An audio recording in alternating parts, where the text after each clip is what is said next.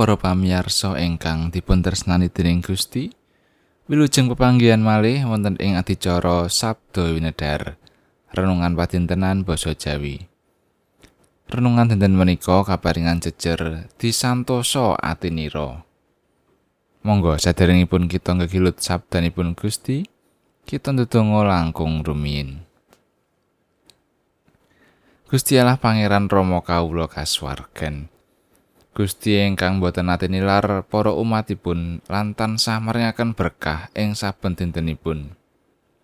Kawula para umat paduka ngaturaken agenging panuwun syukur awit kasaenan paduka menika. Sak menika Gusti kawula sumadyo badhe nampeni pangandika paduka.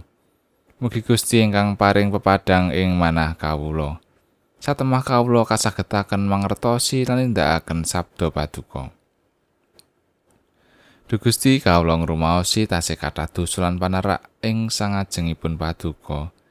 Mugi Gusti kersa paring pangaksami. Matur nuwun Gusti, wonten ing asmanipun Gusti kawula Gusti Yesus Kristus. Haleluya. Amin.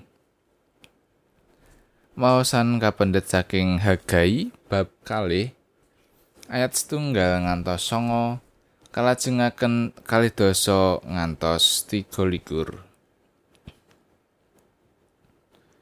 Ing taun kang kaping pindhone jamane Sang Prabu Darius. Ing sasi kapitu tanggal ping selikur ana pangandikane Pangeran Yehuwa lumantar Nabi Hagai mangkene. Sira ndawuhana marang Zerubabel bin Sealtiel, bupati ing Yehuda karo Imam Agung Yusak bin Yosadak. Sarta marang para wong kekarene umat mangkene.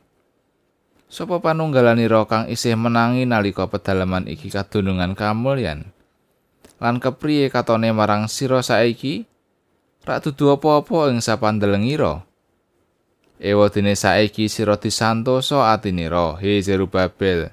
Mangkono pangantikane Sang Yewa. He Imam Agung Yusak bin Yosadak disantosa atinira. He sakae para wong isine negara, dipadha santosa atinira.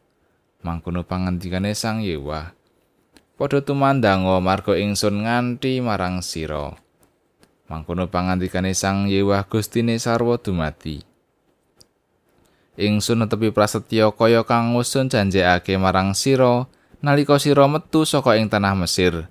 Lan roh ingsun tetep ana ing tengahira. Sira aja wedi. Sebab pangandikane Pangeran Yewa Gustine sarwa dumati mangkene. Ora antara lawas nuli ingsun bakal ngurekake langit lan bumi, segara lan daratan. Karo meneh sakae bangsa bakal padha sun orekake. Satemah sakae raja branane bakal digawe mrene. Sarta padaleman iku bakal sun kebaki ing kamulyan. Mangkono pangandikane Sang Yewa Gustine sarwa dumati. Sarupane saloka iku kagungan ingsun, lan sarupane emas iku ya kagungan ingsun. Mangkono pangantikane pangeran Yewah Gustine sarwa dumati. Apa ing lumbung isih ana wingi? Karo dene wit anggur lan wit anjir, wit delima lan wit zaitun, apa padha durung awoh? Wiwit ing dina iki ingsun bakal paring berkah. Beneri ing sasi iku tanggal kaping 24 ana pangandikane pangeran Yewah marang Hagai kang kaping pindhone.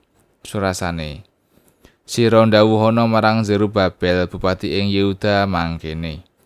Langsung bakal ngorekake langit lan bumi. Sarta bakal ngrubuhake dampare para ratu lan nyirnakake panguasane kerajane para bangsa. Sarta ngrusak sake kereta dalah kang padha nunggangi. Jaran lan kang nunggangi bakal padha ambruk mati. Marga saka pedange kancane. Mangkatan pangandikanipun Gusti, ayat na saking ayat gang salbi. Hisakae para wong isine negara dipadha santosa atinira. Mangkono pangantikane Sang Yewa. Padha tumandanga marga ingsun nganti marang sira. Mangkono pangantikane Sang Yewa Gustine sarwa dumati.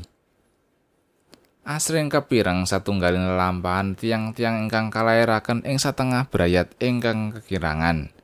Ananging saking pambudidayanipun gesang ingkang tumemen dadosaken piyambakipun sukses. ananging ugi wonten sekedhik ingkang kawon dening kawontenan. Makaten ugi ing ayan peladosan. Tamtu kathah ugi tantanganipun so mboten sekedhik ingkang kawon. Sampun budidaya ingkang saestu ananging taksih ketinggal wonten kirangipun. Teman dadosaken boten nyaman ing pasrawungan Saking kawontenan ingkang kados mekaten Gusti ngersakaken supados kita boten mundur lan mandek ing peladosan. Sedaya tiyang ingkang mapan wonten Yehuda saking pemimpin dumugi rakyat kawangun supados santosa atinipun. Bangsa menika kaengetaken supados boten mundur. Ananging purun tumandang awit Gusti badhe nganti. Menika ingkang dados dasar panjurung kangge Yehuda supados tansah nglajengaken ayaning peladosan. Menawi Gusti ingkang kebak ing pangawaos paring prasetya badhe nganti umat, menapa kita taksih badhe kuwatir? Ngener dhateng prasetyanipun Gusti mboten badhe ndadosaken kita ewah gingsir. Gusti Yesus mangertosi tumrap menapa ingkang dados tantangan kita. Awit panjenenganipun ugi sampun nate ngraosaken piyambak ing peladosanipun ngantos nandhang kasangsaran. Nalika kita ngenter dhateng prasetyanipun Gusti, pitulunganipun Gusti badhe kita raosaken. Panjenenganipun kagungan rancangan ingkang endah tumrap gesang kita menika. Menawi kita ngadepi tantangan ing gesang, kabetahan ing brayat menapa dene ayan peladosan, menapa kita asing lokro. Mila sumangga disantosa ati kita. Awit panjenenganipun tansah nganti. Amin.